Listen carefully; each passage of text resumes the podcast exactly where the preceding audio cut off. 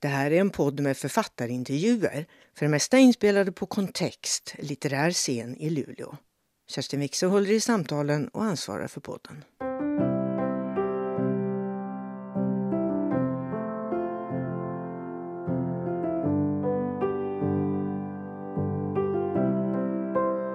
Välkomna hit ikväll. Kul att se er alla denna snöiga kväll. Han har stått länge på vår lista, önskelista Jerker Wirdborg och nu äntligen är han här. En stor applåd för Jerker Wirdborg och Kerstin Wixe. Ja, tack så mycket för det. Det var ett fint välkomnande. Roligt att se er här ikväll. Roligt att få vara här i Luleå. Du har faktiskt stått på vår lista ett bra tag. Ja. Men det har inte blivit tillfälle. Men nu tyckte vi att det blev jättebra tillfälle. Mm. Dels med Svart krabba som gick i repris på radio. Vi ska återkomma till det och filmatiseringen och så vidare. Men jag tänkte först bara fråga, för det här, kontext, publik, kväll, mysigt, levande ljus, äta någonting. Sånt här har ju du hållit på med i Stockholm, på Berns. Ja, ja precis. Jo, jag började med det för några år sedan. Jag, jag kände vdn på Berns och eh, där finns ju också uppe på läktaren det där berömda röda rummet. Och så sa jag till henne, men snälla varför har ni ingen, eh, har, har ni ingen, ingen bild på Strindberg, någonting?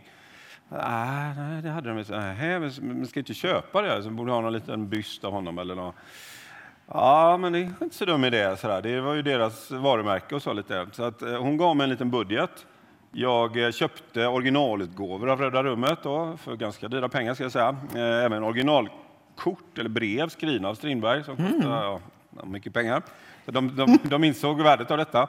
Och sen inredde vi ett litet skåp i Röda rummet där det här ska stå. Då, eller, och sen när vi invigde det en viss kväll, då bjöd vi dit lite folk. Och då insåg jag att ja, men det här skulle man nog kunna göra på regelmässig basis. Och då startade den där scenen. Och sen innan coronan slog till så hann jag väl göra åtminstone jag tror 15 olika litterära kvällar. Lite så här, fast jag hade lite mer aktiva uppgifter åt gästerna. Det blir, man sitter och pratar så här, det är inget fel på det, men jag ville också att det skulle hända något på scenen. Så att, eh, det var särskilt kul, eh, bara som illustration, jag hade eh, Marit Furn var där. Hon hade skrivit en fin roman som heter Skuggan som utspelar sig i Paris när Strindberg hade sin eh, paranoida infernoperiod. Och ni vet kanske då, han höll ju på med, med alkemi under den här perioden. Och då fick vi idén. Liksom. Vi, nämligen Strindbergs gamla recept på guld finns nämligen bevarat. Och det publicerade han i, i seriösa kemiska tidskrifter på den här tiden. Och eh, de ingredienserna, jag kan ju inget om sånt där, men jag gick till en färghandel på Gärdet där jag bor. Så visade jag upp det här. Är det här någonting man kan få tag i? Ja, ja, det står ju där och där och där. Så jag köpte det och medan vi då pratade om den här boken Skuggan så tillverkade vi helt enkelt guld. Ja, det tyckte jag var en bra bild av vad Röda rummet skulle vara. Så man måste göra någonting mer. Det har varit mycket musik som gästerna får spela, kanske filmklipp, också mycket mat och dryck och doft. Malin Ullgren där pratade om hur man beskriver dofter i litteratur med eh, Marcel Proust och andra. Och då hade vi ett antal krus som publiken då fick lukta sig igenom för att försöka aktivera det sinnet också, så att det inte bara blir öra ja, och öga, utan man behöver få in de andra. Så det, det, har varit Röda rummet och jag, ja, jag har varit så heter det, konstnärlig ledare för det under några år. Trevligt. Jag gjorde också program om Proust en gång och då kommer jag ihåg att vi bakade hans madeleinekakor. Jo, men det bjöd vi på den här kvällen. Ja. Teet, Lindblomste mm. ska det ju vara. Lindblomste, det var det precis. man kunde köpa i baren. Ja. Så att, eh, vi gick eh, åt det hållet också, självklart. Och hur gick det med guldet? Lyckades ni? Ehm, det är klart det blev guld, ja visst. Det är bra guld. Bra. Det la de upp på Instagram och med garantistämpel och så. så absolut. men nu har ni inte kommit igång än. Det har ju vi. Ja, det är bara att gratulera. Nej, ja. Berns är en del av Stureplansgruppen och det är en stor eh, bläckfisk i Stockholm med otroligt massa krogar. Så det, det, är en, del av deras verksamhet. Men jag tror inte kanske det är den del de prioriterar allra främst just nu. De måste komma på banan på fler sätt innan vi kan köra igång igen. Alltså, nyligen har vi ju då kunnat höra uppläsningen av din roman Svartkrabba som radioföljetong i P1 igen. ska Jag säga. Ja, ja. Jag producerade den för många år sedan och läste gjorde ju då Måns Westling jag kunde konstatera när jag lyssnade på den nu igen att den faktiskt höll efter alla dessa år. Lyssnade du någonting? Ja, en del, men det är inte helt lätt som författare att lyssna rakt igenom, märkte jag. Det är svårt? Ja, det, är, det har, säger ingenting om inspelningen eller, eller så, produktionen. Nej, men det har med min, e- min eget förhållningssätt till texten. Och där, ibland är det, ja, det, det är inte helt självklart att man ska läsa eller höra på sig själv. Så är det bara. Vad blir det sådär då att nej, varför skrev jag sådär? Det där var fel ord, jag skulle ha svängt om det där. Eller? Det, nej, det är inte det att man sitter och tänker på formuleringen. Det kanske snarare hur, hur var mitt liv när jag skrev det här? Var befann man sig? Hur skulle man möjligen ha gjort den här berättelsen idag? Ja, massa annat. Du börjar tänka på andra saker? Ja, ja det, jag blir distanserad av texten och kan inte liksom, njuta av det på något sätt. Men du, uppenbarligen så är det ju inte bara jag som tycker att det här är en spännande historia, utan nu har ju Netflix gjort en uh, jättesatsning på den här uh, inspelningen, så den kommer som serie nästa Nej, år. Nej, som filmer. Som filmer? Film på svenska. Okej. Okay.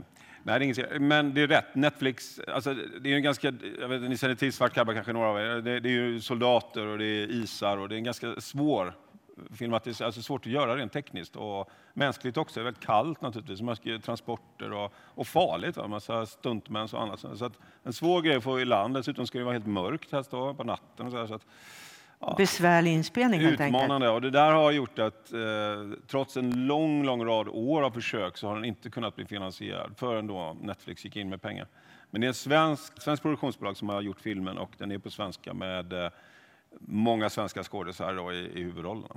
Noomi Rapace. Ja, Noomi Rapace spelar huvudrollen. David Dencik är med, Erik Enge, Aliette Oppheim och ännu många fler bra. Så den delvis inspelad eh, här uppe vet jag. Jukkasjärvi vet jag i alla fall att hon ja, har spelat in. Ja. Det är rätt. De använder de här banorna där man uh, testar bilar. Ja, men det är inte Jukkasjärvi. Då har de varit där också. Ja, ja, men, ja, men, ja. ja. Ja, olika ställen där det finns is. Ställen. Is helt enkelt. Ja, ja, Du, din senaste roman den heter ju då Mamma i soffan. Just det. det är ju då en absurd och väldigt rolig historia. Eh, om en med svärta i botten kan man väl lugnt säga. Alltså berättaren då, sonen David och hans halvbror Pierre, de har åkt med sin mamma till ett helt vanligt möbelvaruhus där de ska titta på en hallmöbel.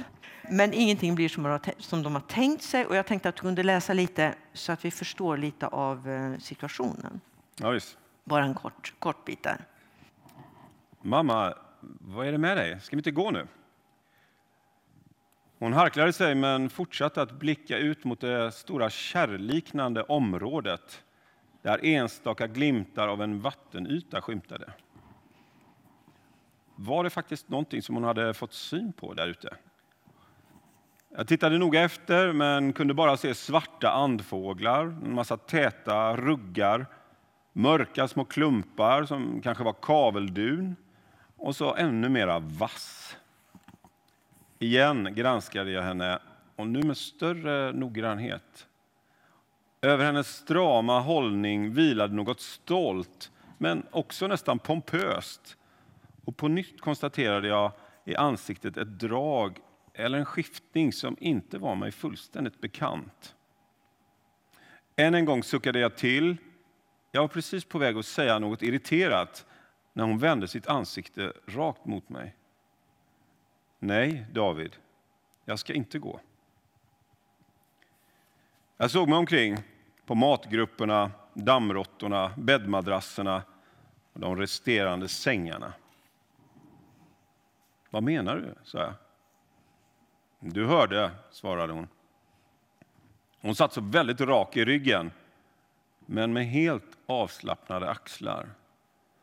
Snart tittade hon ut genom fönstret igen lika koncentrerat som tidigare. Och så sa hon det med ett slags slutgiltighet. Jag går ingenstans. Jag går ingenstans. Det kan ni fundera på ett tag. Vi ska återkomma till eh, mamman mm. i soffan där. För, men först måste vi prata lite om vad Jerker har skrivit innan vi hamnade i soffan så att säga. Ja, för den var faktiskt en ny vändning skulle jag säga i Det skulle jag väl också säga, Definitivt. verkligen. Mm. Absolut. Och eh, om vi börjar med, med Krabban då, du hade ju redan debuterat då med landhöjning två centimeter per natt, novell, eh, noveller. Yes, det var Men, 2001. Det. Precis, så att, ja, 20 år sedan. Mm. Men Svartkrabba var ju ditt publika genombrott kan man ja, säga. Man säga. Då fick du Vi-priset och det var mycket ståhej. Mm. Ja, så var det. Om, om någon frågar dig så här, ja, vad handlar den om då? Hur beskriver du den romanen? när du får den frågan? Ja. Nej, men då skriver jag ungefär som jag gjorde nyss. Det handlar om några soldater som får ett uppdrag. Eh, sen brukar jag säga lite sådär lagom ödmjuk. Ja, men det, många brukar tycka att det är en ganska spännande bok. Brukar säga. Ja. Nej, men det är ju nå- och sen kanske jag säger att det, det är en slags existentiell thriller, men eh, ganska low key.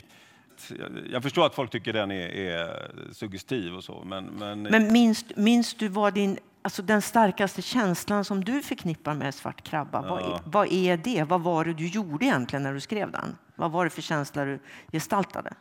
Ja, jag vill ju åt någon känsla av total um, osäkerhet och utlämnande. Eh, och hur hårt, hur långt kunde man driva den känslan? Och ehm, det var också ett sätt för mig att utforska en miljö som jag kunde väldigt väl, nämligen den, den bohuslänska skärgården. Nu är det ju inte uttalat det i boken, men eh, den är naturligtvis en, en, förebild här. Jag, gjorde mycket research. Det är inte så ofta det lägger sig is på västkusten, verkligen inte, men det har gjort det några gånger och eh, jag hittade folk som hade åkt på den isen då. Och- För du, det är inte så att du är en skridskoåkare? Verkligen mått? inte. Nej. nej, det är något Nej. av det jag tycker minst illa om. Eller mest illa om tycker jag. Åka väldigt svårt. Det är så ont. Det är så ont i brist. Nej, men jag tycker inte det är kul alls.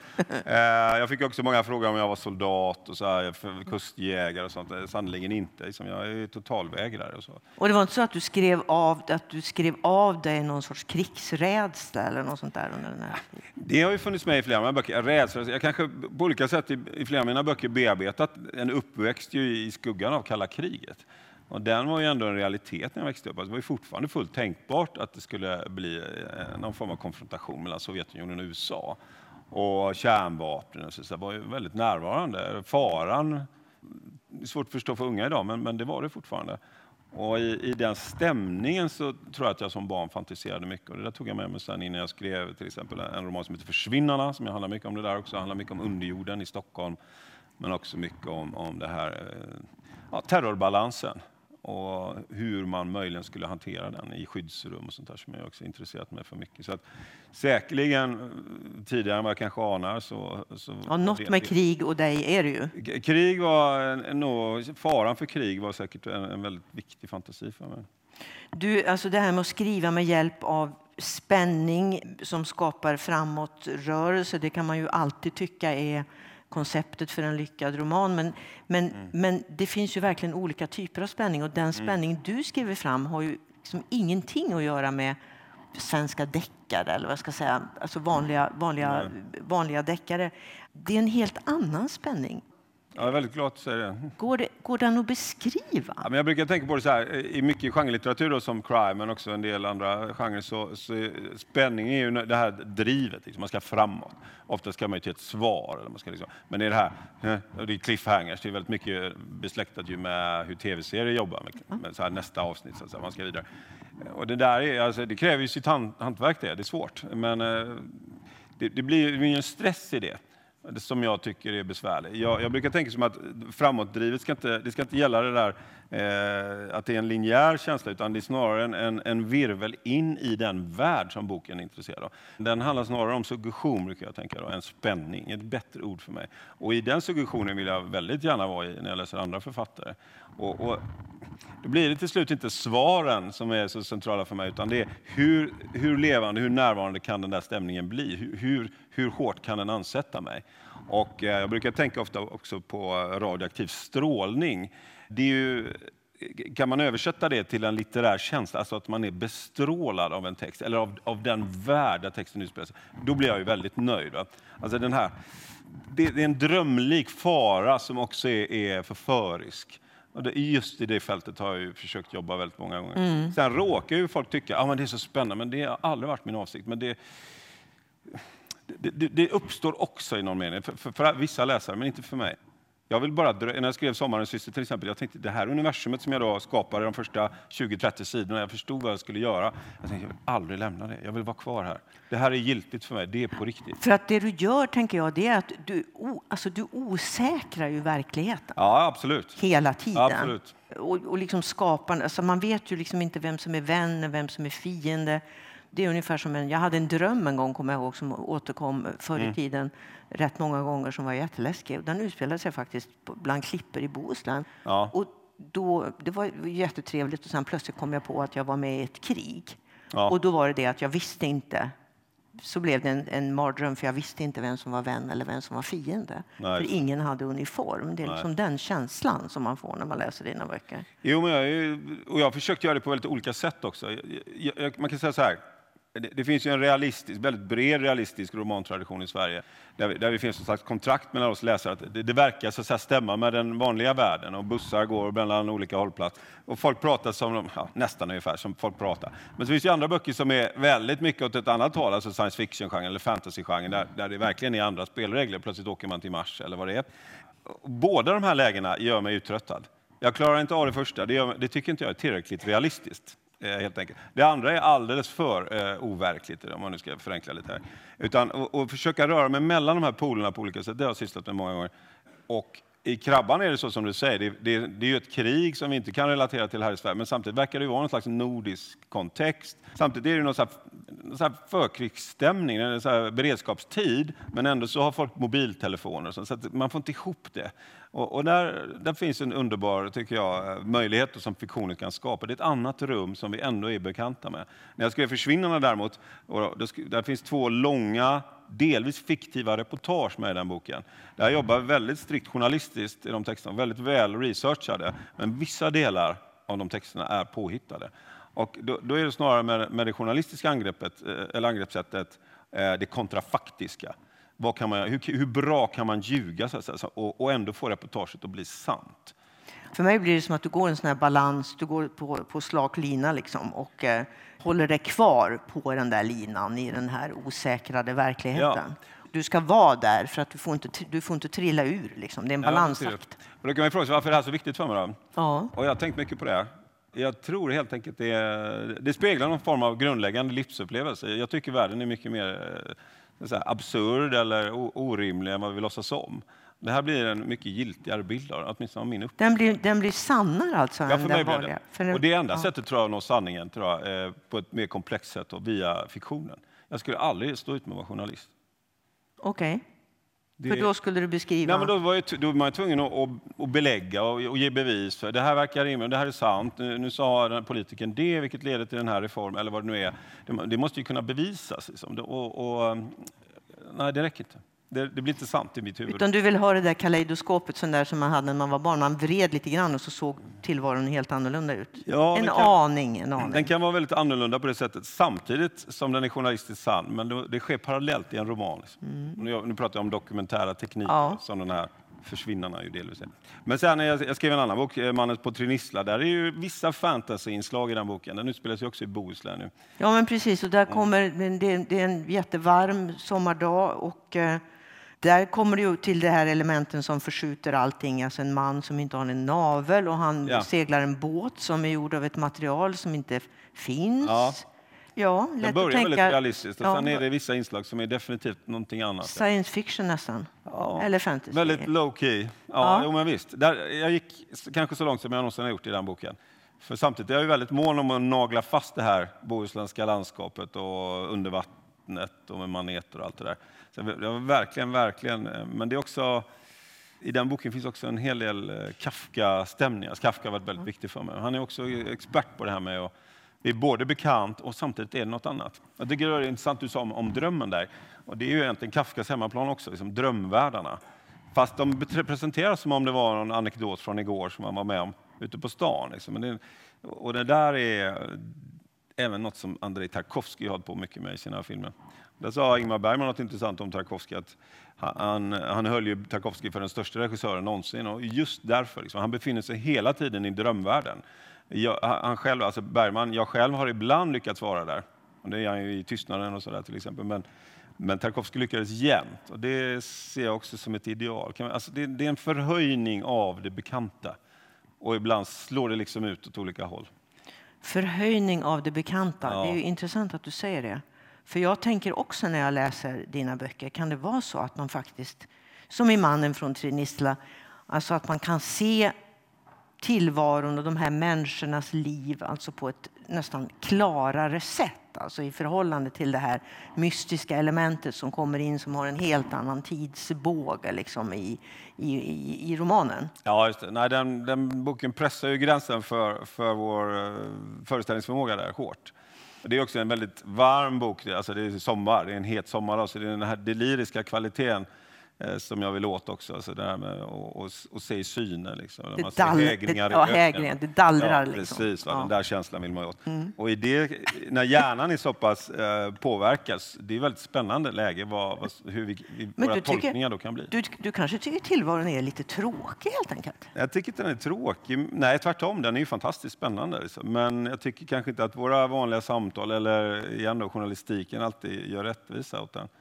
Eh, men det gör däremot eh, film och litteratur. Och fiktionen, som ja. är väldigt viktig för dig. Oh ja, oh ja. För att det kan man ju också fråga, liksom, nu har du skrivit i 20 år. Ja. Var det värt det? Är det värt det? Absolut, absolut värt det. Och då talar jag inte om ekonomi eller någonting annat. Nej, men det, det, den frågan får man ju ibland. Om, om um, Tänker du på någon när du skriver? Vad, är det någon läsare som du liksom har... Nej, inte alls. Utan det är, det är en upplevelse mellan mig och texten och den gör mig ibland extremt intresserad och, och engagerad. Jag skrev en novell nu i, i, september här och den hade jag svårt att sluta med. Jag tyckte den var, den var alltså, det var inte det att den var så bra, det var bara att jag, den där, alltså, jag var otroligt suggererad av den. Jag, jag, jag var alldeles... Eh, jag, jag tyckte bara, det var som att jag själv skulle så att säga, eh, drabbas av den. Och jag satt och väntade på hur... hur jag ville inte att jag skulle bli klar med den. Så Den var giltig för mig på något avgörande ja, sätt, uppenbarligen. Och det, jag hör ju att det är dit du ska när du skriver. Alltså. Du, ja. ska, du, ska, du ska drabbas av den där stämningen av att du egentligen inte vill gå därifrån. Ja, jag tror det. Och jag blir ju väldigt, väldigt svettig också när jag skriver. Alltså jag blir väldigt varm, rent fysiskt. Alltså jag blir, och tiden försvinner fullständigt. Det är många författare som vittnar om det också. Ja. Att tidsuppfattningen är borta och plötsligt har det gått två timmar och jag är hög. Det är endorfiner och eh, ämnesomsättningen går så här på, på högvarv. Jag mår väldigt bra. Det, så att det, det är en fullt giltig, det är ingen kokett konstaterande. Jag, jag brukar tänka, hade jag, hade jag klarat de här 20 åren utan detta? Hade jag stått ut så att säga, med att vara människa utan detta? Och det, jag, du är osäker på ja, det? Jag är klart osäker på det. Jag, jag, tror att det har varit nödvändigt för mig. Var du en sån som läste äventyrsböcker som barn? Det gjorde jag också. Jag, men jag, läste, jag kom från bibliotekariehem som så många andra författare. Jag har konstaterat många av oss gör det. Nej, men mina föräldrar läste väldigt, väldigt mycket. Vi hade, som jag minns som barn, jag, jag, jag låg på vår heltäckningsmatta och såg ut på enorma bokhyllor som täckte stora delar av vårt vardagsrum. Och det var överväldigande, det var som en stor våg av böcker som, som som närmade sig. Så här. Så att det fanns mycket litteratur, det var en självklarhet att det lästes. Sen när jag blev lite äldre då och skulle börja läsa själv, de läste mycket för mig också. Det var mycket så här godnattsaga och sen blev det bättre och bättre godnattsaga. Vi läste Barbro Lindgren och Maria Gripe och sånt där. saker som tog mig djupt. Och sen när jag blev lite äldre, ja, då läste jag Jules Verne och sånt. Man läste Stephen King, men sen snart började man ju läsa Hjalmar Söderberg och ja, riktiga vuxenlitterära eh, böcker och Harry Martinson och allt det där. Och sen började jag läsa litteraturvetenskap. Så det var en lång bildningsresa där, men visst, lite äventyr fanns nog med. Men jag tror framför allt, inte minst Maria Gripe som ju också har de här mystiska... Drömvärlden, ja, alltså mystiska det, det, det, gjorde ett enormt intryck på mig som barn. Du, när du skriver romanen Kall feber, ja. då börjar man ju tänka lite grann på Karin Boye och Kallocain mm. och så mm. har vi återigen då den här osäkra tillvaron fylld av hemligheter. Det här är en kvinnlig forskare som alltså kommer till ett till ett eh, forskningssamhälle kan man säga, ett stort komplex. Mm. Och där hon går in och man förstår att där ska hon nu vara. Det finns ju ett samhälle som är lite oklart vad, vad det då är för någonting. Och sen så tappar allting allting går överstyr och eh, du får ett samhälle som tar till våldsmetoder för att skydda sina misstag och så vidare. Det här var ju långt före pandemin. Ja, det, var. Så det var rätt intressant att läsa om den nu. Ja, det kanske jag skulle göra också. Ja, efter pandemin. För att, eh, den var, kom 09, tror jag. Någonting sånt. Ja. Men var, var, det, var det Kallocain som inspirerade dig ja? Här, eller? Oja. Ja, det var det. Kallocain tror jag läste när jag var 20 och sånt där första gången. Jag älskade den boken. Och sen läste jag George Orwell och många av de där klassiska, eh, Du sköna, sköna nya värld och de här eh, dystopierna. Ja. Men det var Kallocain tyckte jag var en briljant bok. Den hade en väldig charm, liksom, en slags retrofuturistisk charm och samtidigt fanns en dubbelhet i själva kalokainet som var lockande, som jag också försökte dubblera här. Jag vet inte om du minns Kallocain, men Kallocain är ju det här giftet vet, som man injicerar och då pratar alla sanning. Och det är egentligen en fara i det, liksom, för det är en, hemlig, det är en polisstat där försök, folk försöker vara hemliga och inte vill berätta sina innersta tankar. Men samtidigt finns det ju något hoppgivande i den där uppfinningen. Om alla, säg så här, om alla skulle ta Kallocain samtidigt, då behöver vi inte vara rädda för någonting. Då kan vi vara precis oss själva och ingen behöver spela någon, ha några masker överhuvudtaget. Det, det finns en utopi i, i Boyes eh, till en början då, hotfulla uppfinning. Ja, verkligen. Och det är likadant med, med den kalla febern här. Det, det handlar om blod i den där boken, det är blodforskare. Liksom. Det handlar också om stil eh, i, i Kallocain. Det var någonting med, jag vet inte om ni har läst Boyes tidigare prosa, hon är ju mest känd som poet. Men hon skrev rätt mycket noveller, inte minst för att försörja sig. Och de där tycker inte jag håller riktigt så bra klass som, som eh, romanerna. Och bland romanerna så är definitivt Kallocain den främsta. Hon också blev ju den sista hon skrev. Hon var livrädd för den boken. Varför? Hon skrev det till någon kompis. Alltså jag höll på med mitt, mitt romanarbete som hon då också var influerad av Kafka väldigt mycket när hon skrev. Eh, det, det, eh, vad var hon skrev? Det, det arbetet tvingar mig till kräkningar. Alltså hon hade sån ångest över detta. Och det är svårt att säga idag, men någonting var hon upplevde att hon blottade och att det blev synligt för världen, det var outhärdligt för henne. Och det känner man nästan när man läser. Man förstår dock inte riktigt vad det skulle vara. Men, men man känner att det står oerhört mycket på spel för henne. Alltså hon satsar allt. Det finns ju en, sån, in. spänn, det finns en sån spänning i Kallocain faktiskt, som, Ja, nej, som men det den, du beskrev den är på förut. riktigt. Va? Man Ja. känner det här betyder något för henne på riktigt. Ja. Och, och ett år senare var hon död. Hon, hon stod inte ut. Det kanske inte bara hade med boken att göra, men det bidrog definitivt. Den kom ut, blev snabbt en succé. Och, och, och hon kände väl att wow, jag, skrev en, jag har skrivit en liten klassiker här. Det blev det också. Men det blev henne för mycket, tillsammans med andra privata saker förstås. Och det där är också oerhört drabbande när man läser den tycker jag. Det, det, går- det går inte att ta bort det från läsupplevelsen. Att hon, hon liksom, som poet var hon nog närmare liksom ljuset tidigare, men i Kallocain så hon flög rakt igenom det. Och det, det tålde inte hennes vingar. Liksom. Vad ville du med kall feber? Ville du åt samma känsla, men, men, eller var det någonting med blodet där som du ville åt? Ja, vi ska inte föregripa för mycket. Ska man läsa den lite synd Jag tycker ni ska läsa. Läs den. Det är jättespännande att läsa den idag faktiskt. Ja, jag kan inte svara riktigt utan att spoila den. Men, Nej, men gör inte det då. Men det, det, det var en intressant... Som, det handlar också om rummet i, i böcker. Så vad, vad är det för slags värld vi befinner oss i? Som du sa, det är en forskningsanläggning som ligger ganska avsides i Sverige. påminner mycket om ett rymdskepp fast det, det ligger ju helt på marken och det finns inga science fiction-markörer. Det, det är en strängt realistisk bok. Jag kan säga att det är kalkerat på Astras forskningsanläggning utanför Den är ju, den är ju Göteborg. kontrollerad. Ja, det är den. Otroligt. Ja. Du menar anläggningen Ja, eller ja, boken? anläggningen. Ja, jo, det är det. det, är det. Ja. Men det är inga rymdskepp och sånt. Det, är- I Nej. det avseendet är det inget Nej, nej. Men, men bara också få till en sluten värld kan i sig vara väldigt surrealistiskt. Vi har inga sådana forskningsanläggningar i Sverige. Men det är ju så pass stort som en lite, mindre stadsdel här stället. Enormt mycket byggnader som hänger ihop och det finns lite köpcentrum och vad det är. Och folk eh, åker ju inte därifrån, nej det gör man inte, man bor där. Men bara det i sig räcker tycker jag för att skapa den här drömlika stämningen som jag pratade om förut. Det var en av utmaningarna med boken. Kan man göra det? Liksom, och, och, ja, I övrigt var jag tvungen att läsa på mycket om blodforskning och hur, hur man jobbar med blodgrupper. Vet, man kan inte ge transfusioner till vem som helst. Och så. Det var jag tvungen att läsa på väldigt mycket om. Men även där försökte jag hitta någon form av um, vision om en ja, universalitet kring det där med blodet och att vi, precis som Boye liksom skissar på, att det, det finns något hoppfullt i att, att vi alla är människor. Och, Mm, att finns ju det sådana. går att mötas, det kanske inte så lätt, men det går, med eller utan kallokainets hjälp. Så. Det går att komma nära någonting som vi upplever som sant, där vi, där vi slipper vara rädda. Och där, det försökte jag ta med mig in i Kallfeber. Det gick ju inte så bra. Eh, Du menar för mig eller för boken? Eller Mm, för eh, för forskningssamhället? forskningssamhället. Ja, vi ska inte, ja, Nej, vi ska nej, spoila. så kanske man kan se det. Ja. Men den är inte hopplös heller. Nej, alltså för mig blev det så för att alltså platsen, rummet, som Jerker säger, är faktiskt väldigt viktiga. Verkligen. Alltså det är mycket beskrivningar av de här korridorerna och övervakningarna. Ja. Och, så. och den här isoleringen från... Man vet att det finns ett samhälle där ute, men det är väldigt långt bort. Man fattar egentligen inte heller riktigt skulle man kunna åka på semester eller kan man inte det? Kan man åka ut och komma tillbaka? Eller? Jag jobbade på Lillhagens mentalsjukhus en gång i tiden utanför Göteborg. Ja. Det vet du var det ligger. Ja, absolut. Och för mig, jag hamnade direkt där. För Ja, det ja, är ja. liksom ett avskilt samhälle i samhället. Det ligger långt utanför Just. Göteborg. Det ligger liksom ute på en slätt. Ingen åkte jättelånga arbetspass. Man åkte inte därifrån. Alltså man var där i timmavis. Liksom. Det. Tog sig fram och tillbaka. Jag hamnade där. Liksom. Ja, intressant. Ja. Slutet samhälle. Ja, lite som Beckomberga i Sara Stridsbergs bok. Ja. Mm, jo, men visst, visst. Jo, nej, men det är intressant. Och där, där är inne något viktigt också. Jag får ofta frågan var får du idéer ifrån och vad, hur, hur, går det där till? Och, och det handlar nästan alltid om platser som jag råkar besöka. Och det kan drabba väldigt snabbt. Liksom. Man, man, kan träda in i en ovanlig plats. Det här är ett ovanligt rum vi sitter i nu, det är en gammal frikyrkolokal där det då ändå är kulturaftnar. En, en lite, ja, det är inte en jätteoriginell kombo, men ändå ett speciellt rum det här. Det skulle kunna hända något här med i mitt huvud, och någon, någon idé man får plötsligt. Och det där kommer så här snabbt. Mm. Och jag kan inte förklara vad det, vad det egentligen har sin upprinnelse i, men vissa platser triggar en.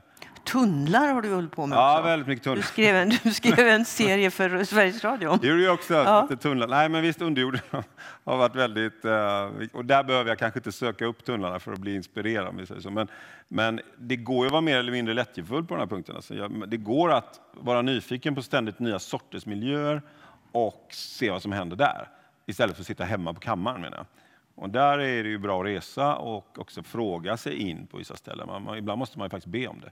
Så får jag kolla på er eh, vad ska vi ta, reaktorhallen under KTH till exempel, som ligger i Östra station i Stockholm. Det är ett spännande rum. Och så vidare. Och där eh, har jag nog haft nytta av att jag är så nyfiken och ja, lite rastlöst lagd är jag också. Du, för fem, ungefär fem år sedan så ger du då ut eh, romanen Sommarens syster. Mm. Eh, det låter ju trevligt, eller hur? Jättetrevligt. Men det kanske är en av de mest brutala romaner du har skrivit. Alltså ja. En av de mest brutala i alla fall. Det är som att alla mardrömmar man kan hitta på plötsligt blir verklighet. Och nu är det som i Svart krabba. Det är Sverige. Nu är det, tror man i alla fall, någon sorts nutid. Det krig, mm. men det är krig. Mm.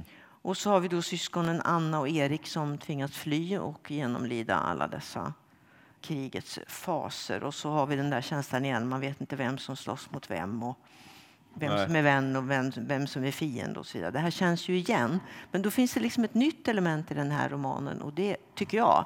Och det är liksom att här finns det då en kärlek mm. mellan, mellan de här syskonen. Ja. Och en värme och en absolut lojalitet Visst. som man kanske inte har hittat i dina tidigare böcker. Nej, som var... har varit kallare på ett sätt. Ja, absolut. Men här finns det ett varmt element. Ja, det alltså, finns det. Du hade kanske inte kunnat skriva den här romanen om du inte hade haft det centrat. Liksom. Nej, det är nog riktigt. Och det, också, det fanns också en utmaning i att skriva om syskonrelationer. Jag försökte också tänka med varje bok, vad, vad, är det nya med detta? För att det är farligt med författare som bara upprepar sig. Och de är bra på någonting och så gör man det om och om igen i bok efter bok.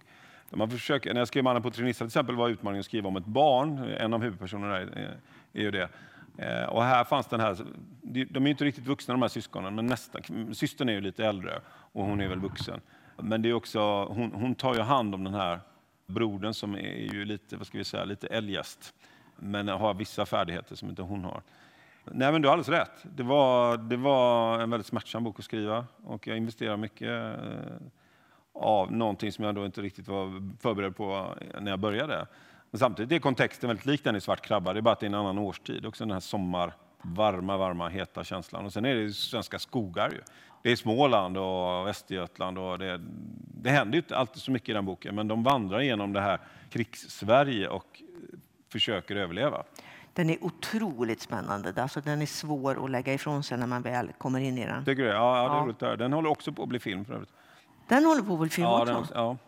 Svensk film? Ja, men det, den har inte kommit så långt som Svart krabba. Men det, ja, så är det. Du, alltså den här blicken på berättelsen, eller det vi nu har pratat om, latenta hot kan man väl säga då överallt. Mm. Och nu tror jag jag har sagt otäck och brutal och hemsk, jag vet inte hur många gånger som helst redan. Men, men då, då, kan vi väl ändå säga då att i den här, din senaste roman, Mamma ja. i soffa, här byter du verkligen spår.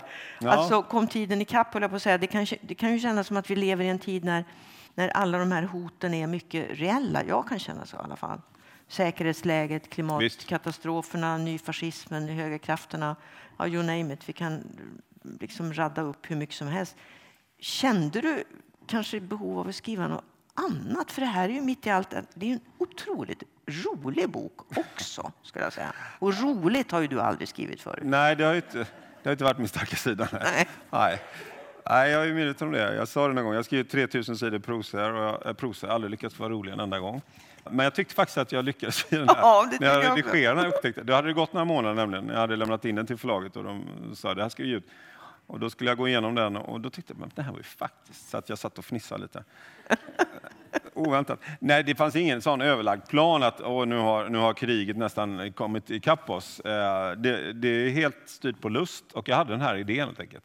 Ba, vad, och var händer kom, om- den, var kom den idén Ja, ifrån? jättebra fråga. Jag, jag vet att innan det här med mamman, för det är mamma och vuxna barn i den här boken, på det här möbelvaruhuset. eh, Just den här känslan av att man är i en affär och en person inte vill gå. liksom. Alltså det, alltså det är en väldigt eh, banal konflikt. Det är inte att någon slåss eller, slåss, alltså, eller bråkar på något utan helt enkelt bara stanna, alltså passivitet.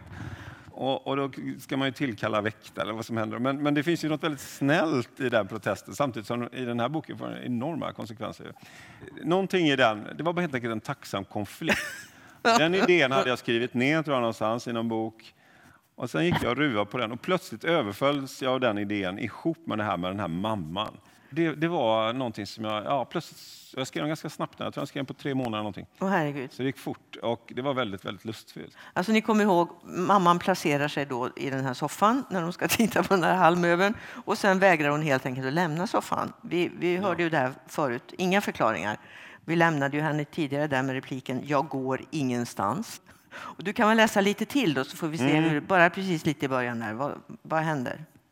De försöker ju såklart få henne därifrån. Ja, de försöker med alla medel. Så här, Ja. snälla, eh, eh, och de försöker utesluta om hon är sjuk eller om hon fått värmeslag. Är det för- Ja, men det, det verkar inte så. Hon...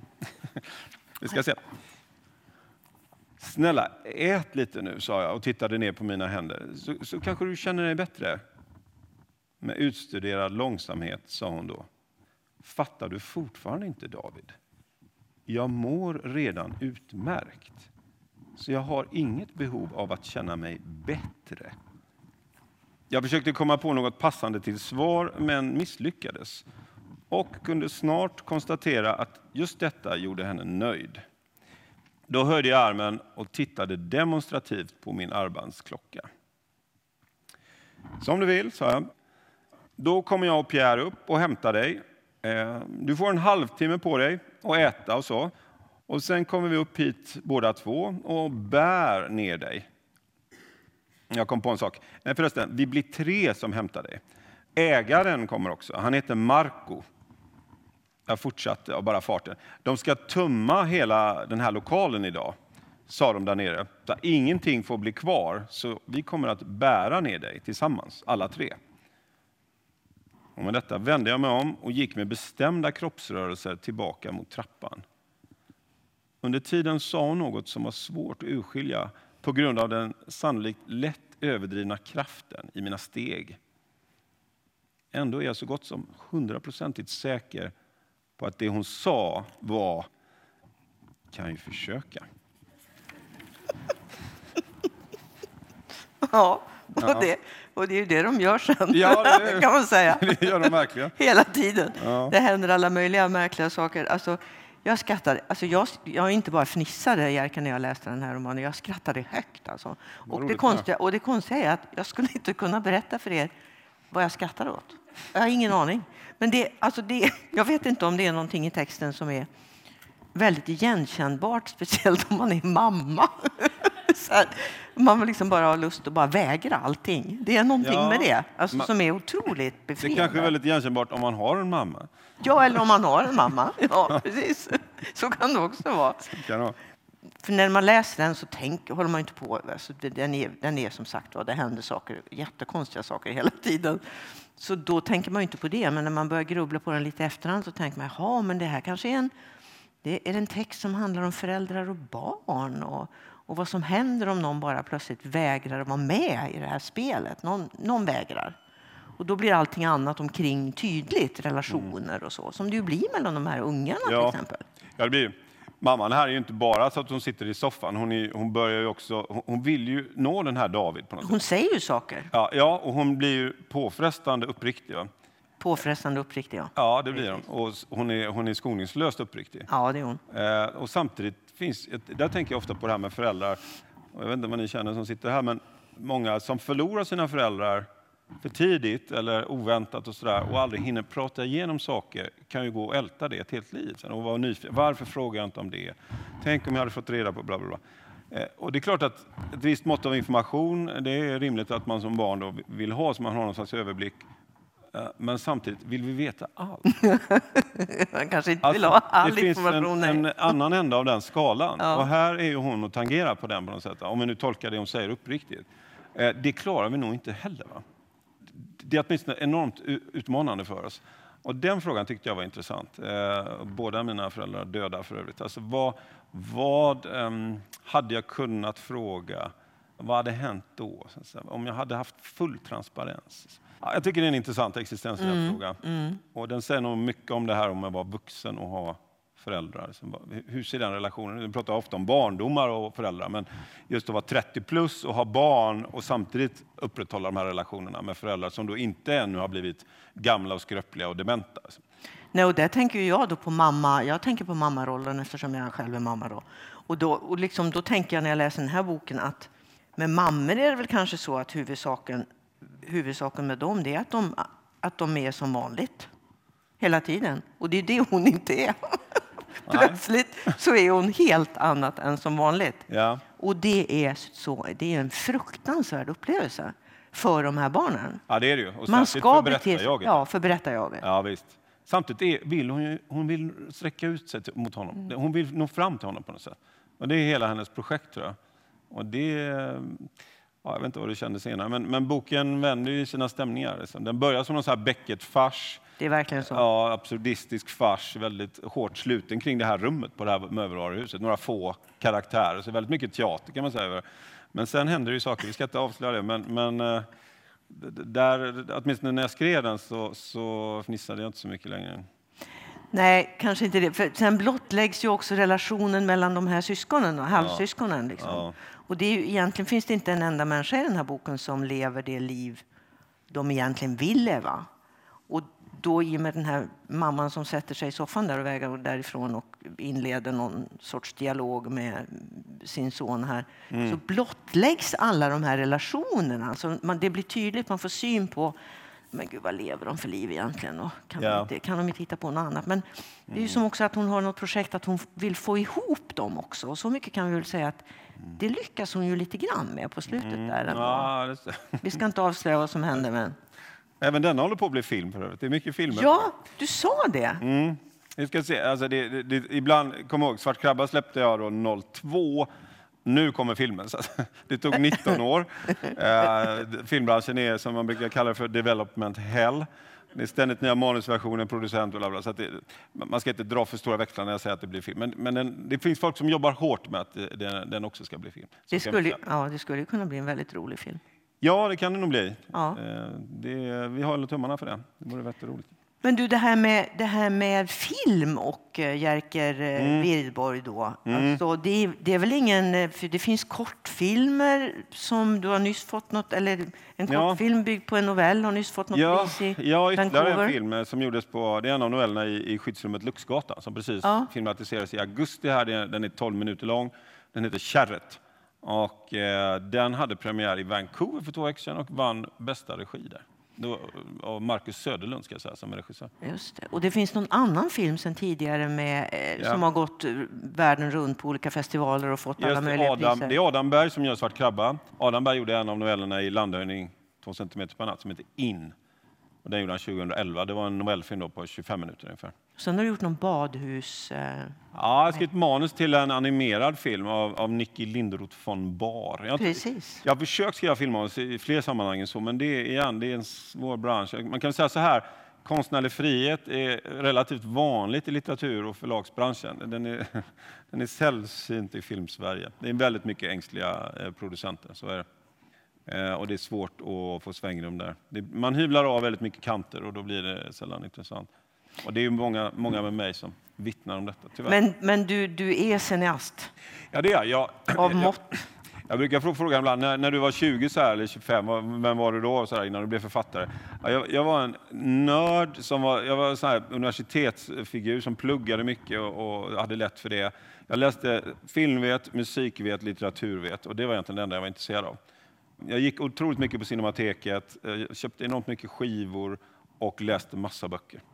Eh, och då läste jag som sagt, eh, ja, det var flera terminer i filmvetenskap. Och eh, sen, sen dess har jag haft en stor, stor kärlek för det mediet också. Och det läcker ju in konstant i, i de här böckerna jag skrivit. Ja, när du säger läcker in, alltså det betyder att de, de är rätt filmiska. Man kan Mm. se, alltså, också med den här rörelsen, framåtrörelsen, och att det ofta är människor som rör sig genom landskap eller de ska någonstans. Eller, Det finns liksom hela den här, den, här linjen, uppdraget. Ja. Mm, jo, en del av dem har ju det. Det, det är två sorters influenser. Dels är de här de riktigt stora regissörerna, då, och då ska jag säga några så ni förstår. Eh, Stanley Kubrick tycker jag mycket om. Eh, jag nämner alltid också japanen Yasujiro Uzo, gjorde makalösa filmer på 50-talet. Eh, men också Michelangelo Antonioni, som dog på samma dag som Ingmar Bergman för övrigt. Eh, men det är 60-tal och 70-talsregissörer och så Andrei Tarkovsky som jag nämnde förut, med flera. Terrence Malick, ja, det finns massvis. Men eh, det gemensamma för alla de där, de är intresserade av de här farofyllda stämningarna, men de är inga konventionella thrillerberättare, utan de drar ut på de här skeendena. Och då närmar vi snabbt oss de här drömmarna som kan vara mardrömmar, men också bara vara väldigt, väldigt starka, intensiva, drömlika eh, projektioner. Och, och den, den sortens stämning, ja, det, hade, det hade jag nog inte kunnat skriva utan de där starka upplevelserna i biosalongerna. Men sen måste man ju komma ihåg, att göra det där till litteratur, Ja, det det får man inte hjälp av Stanley Kubrick med. Nej. Utan då måste man tänka, hur kan, hur, hur- vem, eller så här, vem lärde mig det? Då? liksom? Ja, Kafka var definitivt en av dem. Men det handlar mest om att hans världar är så personliga och speciella. Hans stil däremot är ju väldigt, eh, ganska invecklad och sirlig och eh, mycket bisatser. Det är väldigt långt från mitt sätt att skriva. Däremot var det ju andra mer funktionalistiskt orienterade får vi säga, prosaister då i Sverige som, som Torsten Jonsson till exempel, som ju översatte Hemingway till svenska eh, på 40-talet. Han var ju en viktig föregångare. Hög densitet, väldigt enkelt språk, beskriver eh, hur det ser ut på en plats, hur, kanske hur det doftar, vad, vad man hör, men bara yttre eh, intryck då egentligen, och så repliker. Och sen hela eh, analysen, vad det handlar om, var, varför gör någon det ena eller andra, det Bara. tiger man med. Och det är ju så den klassiska undertexttekniken. Skriver man i tredje person, som Svart krabba är skriven, då är det ännu lättare att vara så där neutralt funktionalistisk. Eh, när jag däremot skriver vissa böcker, som den här nu då, till exempel, i, jag, läcker det genast in lite mer av temperatur, av, av personlighet och Action, stilistiska sätt. ja. Ja, ac- ja, action ligger lite på en annat Ja. plan, då, men just själva berättartekniken. Och där har jag tagit mig lite mer friheter. De första böckerna var extremt registrerande och nästan sådär utstuderat konstlösa. Eh, ni vet, det, det, regnar, punkt. En man går på gatan, punkt. Så här kan man skriva en hel bok och händer det den där mannen något intressant så blir det spännande. Det kan, det kan man Kan bli spännande. Kan bli Ja, spännande. men det, men därför att författaren lägger sig så inte i. Men det handlar om en långsamhet, man måste låta saker breda ut sig. Och där, om man vill spana in hur en filmberättare gör, kolla in Antonioni, Den röda öknen eller någon av de där kända filmerna. Alltså det är en konflikt, man etablerar den och plötsligt får man en förväntan. Ja, men nu ska vi liksom, nu ska, men det händer ingenting. Och plötsligt så kommer den här strålningen emot oss. Det är fantastiskt. Den Makalöst. radioaktiviteten, kom ihåg att Jerker sa det. Någonting sånt, ja. precis den känslan. Nu- jag, ja, det, det är, jag, jag, är, jag är förälskad i det. Det, det är underbart när, när fiktionen blir så, så påtaglig. Liksom. Hade du roligt när du skrev Mamma i soffa? Hade du roligt själv? Ja, Jag hade mer roligt när jag redigerade än när jag skrev den. Jag, Va, vad var det för stämning när du skrev den? Då? Vad hade du, i- vad hade du liksom i huvudet då? Lät du bara saker och ting hända? För det är lite grann i den här, så händer det och sen händer det plötsligt. Det kommer liksom, det ena faller i det andra. li- men jag var kanske lite tagen av uppgiften eftersom jag inte var så van med den här sortens universum. Då. De här spelreglerna, det var inget krig och så som du sa. Sen var det också ett, ett sätt att hålla ihop det här som vi pratade om tidigare med, med realism och någonting annat. Och hur skulle det kalibreras? Och sen handlar det väldigt mycket om form också när man skriver bok. Hur, hur lång är boken? Det här är ju uppbyggt på ett par dagar kan man säga framförallt, större delen av boken. Det är ett par dygn. Liksom, som, och det, det är formen i någon mening, den här tidsaxeln. Och Det gäller att, och hur förlägger man de olika sjoken efter varandra? Och det, det är hantverksmässiga saker, det är snarast det som jag fokuserar på när jag skrev det.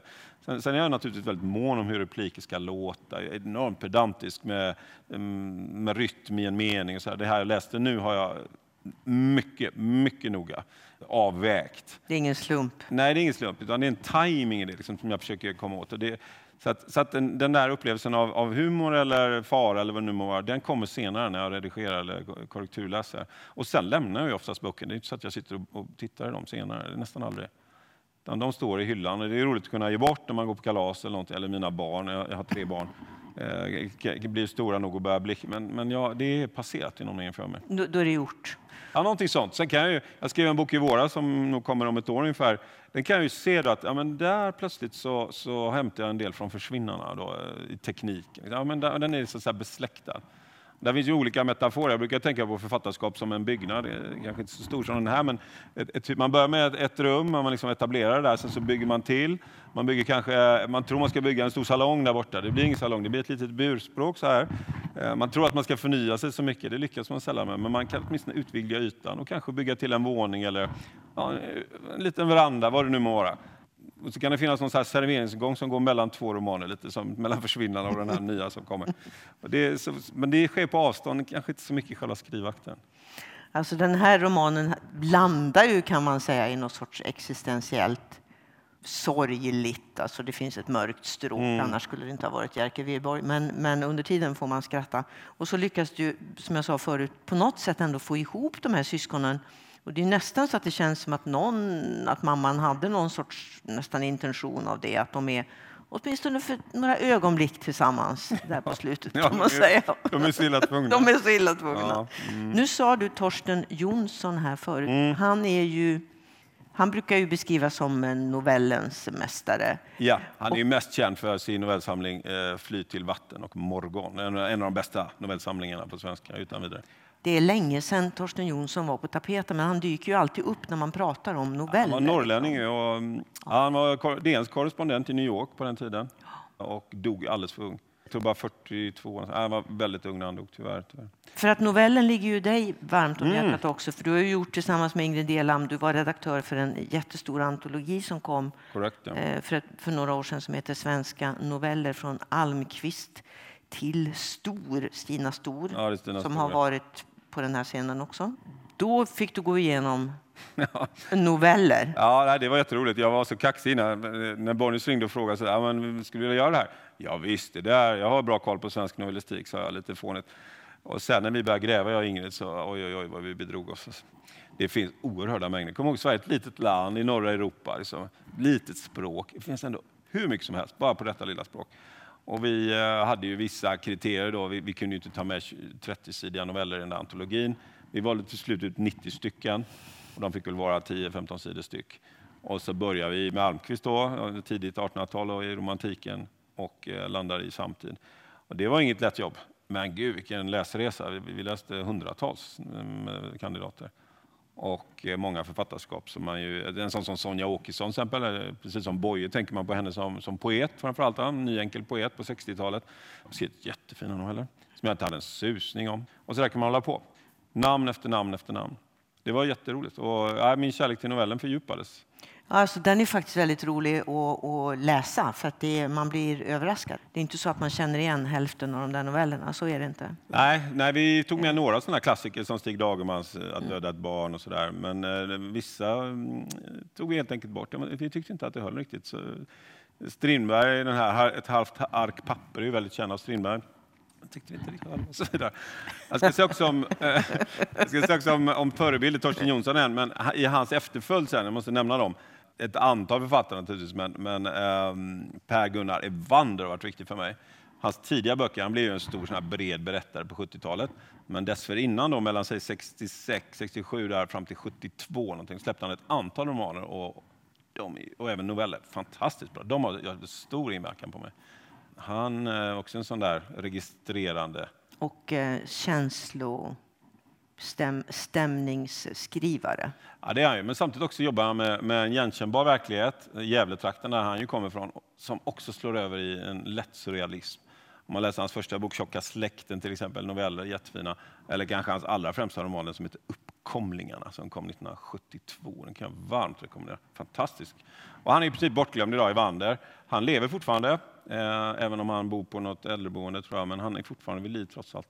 Jag försökte få till en intervju med honom för några år sedan när han, när han fortfarande var i någorlunda bra hälsa, men eh, det var väldigt svårt. Vi bodde väldigt nära varandra, men jag lyckades tyvärr inte. Jag hade, ja, det, det, det gör mig lite bitter att tänka på. Jerker, vi började ju alltihopa genom att jämföra Berns med kontext och Ebenezer.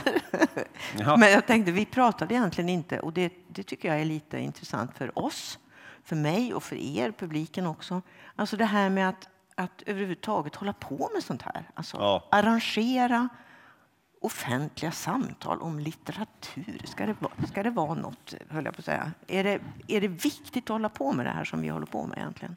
Ja, det tycker jag verkligen. Om en rad olika skäl. Alltså det, det enkla svaret är naturligtvis att litteraturen behöver få plats. Och det, det, det är viktigt också att författare får komma ut och, och, och prata om sin... sin Det är från författarens synvinkel, Ja, men nu men det är tänker jag mer på... demokratifrågan naturligtvis. Ja. Men jag tror också att det är viktigt för litteraturens skull i sig att den inte då...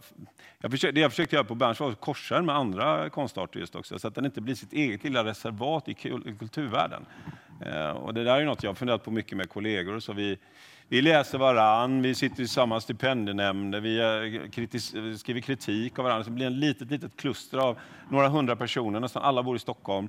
Och det är branschen. Och, liksom. Och det där är inte jättebra för litteraturen. Det, vi överlever på det sättet och vi får bekräftelse och, och, och pengar kanske på det, så vi klarar oss. Men vitsen måste ju ändå vara att försöka nå ut till folk som kanske vanligen inte eh, läser så jättemycket. Och det är liksom, det, de försöken får inte ta slut. Så där tycker jag det, det, det finns en, en konstant utmaning i det. Men sen, för min del, gärna att det händer någonting annat också. Kan vi prata om film och litteratur samtidigt, toppen tycker jag. Eller dans och poesi eller vad det nu må vara. Men att man gör korskopplingar som, och, och försöker vara aktiv där och, och få folk att mötas. Sen har jag också gjort väldigt aktivt, har jag försökt hitta politiker som eh, det går att prata om konst med. De är- Det, det är sällan de har självförtroende till det. Men också gjort flera framstötar i näringslivet Stockholm. Varför har näringslivsledare så otroligt dåligt självförtroende när det gäller kultur eh, i Sverige? Det är, det, det är bedrövligt. Va? Eh, det handlar kanske mer om rädsla än om okunskap många gånger, men det, finns, det är en komplex fråga.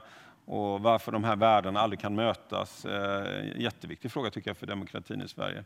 Det blir ju lätt en, en verksamhet för de närmast intresserade, men i många andra länder är det en självklarhet att, att i Frankrike måste naturligtvis presidenten ha läst eh, Michel Houellebecqs senaste roman. Det är klart att man måste ha koll. Annars gör man ju bort sig kapitalt. I Sverige är det nästan, eh, det skulle nästan sänka politikern att, att ha läst eh, Elin Kulle som vann Augustpriset igår, tror jag. Alltså det, det är liksom ingen självklar fördel. Och Likadant om du är vd för Volvo. Det är klart att du måste ha, ha en viss koll. Nej, Hur har det blivit så, tror du? Ja, det är en lång, lång berättelse. Jag, jag skrev en artikel i Dagens Industri Weekend för några år sedan om exakt den frågan. Hur har det kunnat bli så här? Men det finns en lång rad delförklaringar till det där. Men en av dem är nog att eh, på 1800-talets slut var det ju, alltså om du var, hörde till den, de bättre bemedlade och någon form av överklass i Sverige, det var en självklarhet att man hade ett bibliotek hemma, man hade ett piano, man var bildad. Man hade naturligtvis koll. Senare när eh, arbetarrörelsen och socialdemokratin förde fram det här om, om folkbildning och många autodidakter blev stora författare som Harry Martinsson och de här. Så, så här, statusen i att vara bildad försvann i någon mening i Sverige. Det, det var ju en god sak naturligtvis att det här nådde så många. Men för, för adeln och för, för de högre klasserna försvann laddningen kring det här.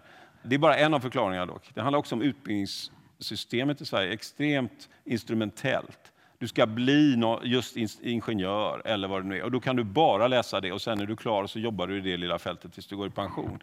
Medan till exempel, och fortfarande idag, det är svårt att ta in för oss svenskar, men i, i, i London till exempel idag, du kan läsa sig ryska språket i tre år, alltså rysk litteratur bland annat, och bli expert på Tolstoj och allt vad du vill. Och sen kan du utan att någon höjer på ögonbrynen gå in på, ska vi ta, Goldman Sachs eller någon riktigt stor mm, internationell bank och begära jobb som analytiker. Och läser de då ditt CV, liksom, jaha, du kan det här med rysk litteratur och ryska språket kanske, ja men toppen, det tar vi. Alltså det är fullständigt otänkbart i Sverige. Så här finns, man litar så att säga, på folks eh, begåvning. Har har du en analytisk förmåga för det där, ja då klarar du nog det här också. Och där är vi enormt enkelspåriga i Sverige. alltså. Du, när det gäller att skriva då, vi ska sluta nu, Ja. men när det gäller att skriva, jag antar att du, du har redan skrivit en, en roman som kommer snart. Ja, jag har skrivit ytterligare en bok faktiskt också efter det. Ytterligare en Ja, bok? nästan. Jag har skrivit åtminstone åtta, nio noveller efter den boken. Så att jag, är, jag är rastlös typ. Jag är inte maniker, men rastlös är jag. Okej, jag så då liksom ska, jag inte ut med att inte jobba. Då ska jag inte fråga dig vad du håller på att skriva nu då. Ja, men det är de här novellerna då, som sagt. Jag kanske har två, tre kvar. Då har jag åtminstone en tänkbar bok, så får vi se om det blir det. Men jag har två romaner till i skallen. Jag vet inte riktigt vilken av dem jag ska ta först. Under tiden så får vi då titta på Netflix-filmen Svart krabba. Vi- Du tror att den kommer i februari, men du har inte sett den än. Nej, det är massa regler och Netflix är väldigt, de har en stark kontrollbok kan vi säga, som företag. Nej, jag vet, vi vet fort, inte ens regissören vet när den ska ha premiär, men eftersom det nu är snö och, och vinter här i Skandinavien och den är på svenska så, så har vi skäl att tro att den kanske släpps i februari-mars. Men jag vet inte, är de inte nöjda så kanske de väntar till nästa höst och, och vinter. Jag vet inte. Jag hoppas det i alla fall. Det, det vore roligt. Eh, sen om den, jag, jag, jag är lite rädd för den. Alltså, den kan, det är inte säkert att den är bra. Eh, jag hoppas naturligtvis det, men jag, jag känner, mig, känner mig lite... Så här, låt oss hoppas att den är bra eller, eller bättre. Men det är trots allt amerikaner som står bakom igen. Producenter har en tendens att vilja lägga sig i. Eh, man får vara realista. Liksom. Men visst, i sig är det naturligtvis jätteroligt att det blir en film. Och Adam Berg, regissören, har jag fullt förtroende för. Och det enda du kan göra om du tycker att den är urdålig när du ser den, det är att du kan säga jag vill inte ha mitt namn förknippat med mm. den här mm. produktionen. Det är det enda du kan göra. Ja, det är en sån fråga man ofta får när man säljer filmrättigheter. Eh, får du vara med och bestämma och så vidare, skriva manus eller har du liksom vissa villkor då? Och det, om man ställer sådana villkor som författare så blir det nästan aldrig något kontrakt. Va? Det enda lilla klausulen man kan få in då, och den är i och för sig standard, att som du säger, man har rätt att ta sitt namn ifrån produktionen om den är pinsam eller som skulle skada mitt eh, konstnärliga, ja, ni vet, bla bla. Och då, då, ehm, det gör man ju naturligtvis sällan, men möjligheten finns. Och det ger ju, det är ju sensationellt dålig badwill för filmen naturligtvis, om en författare gör det. Eh, men det är ju en liten försäkring för en som yrkesman. Jerker Wirborg, tack för att du ville besöka Kontext. Ja, tack för att jag fick komma hit. Och tack, och tack för publiken. att ni kom. Tack ja, verkligen. Publiken.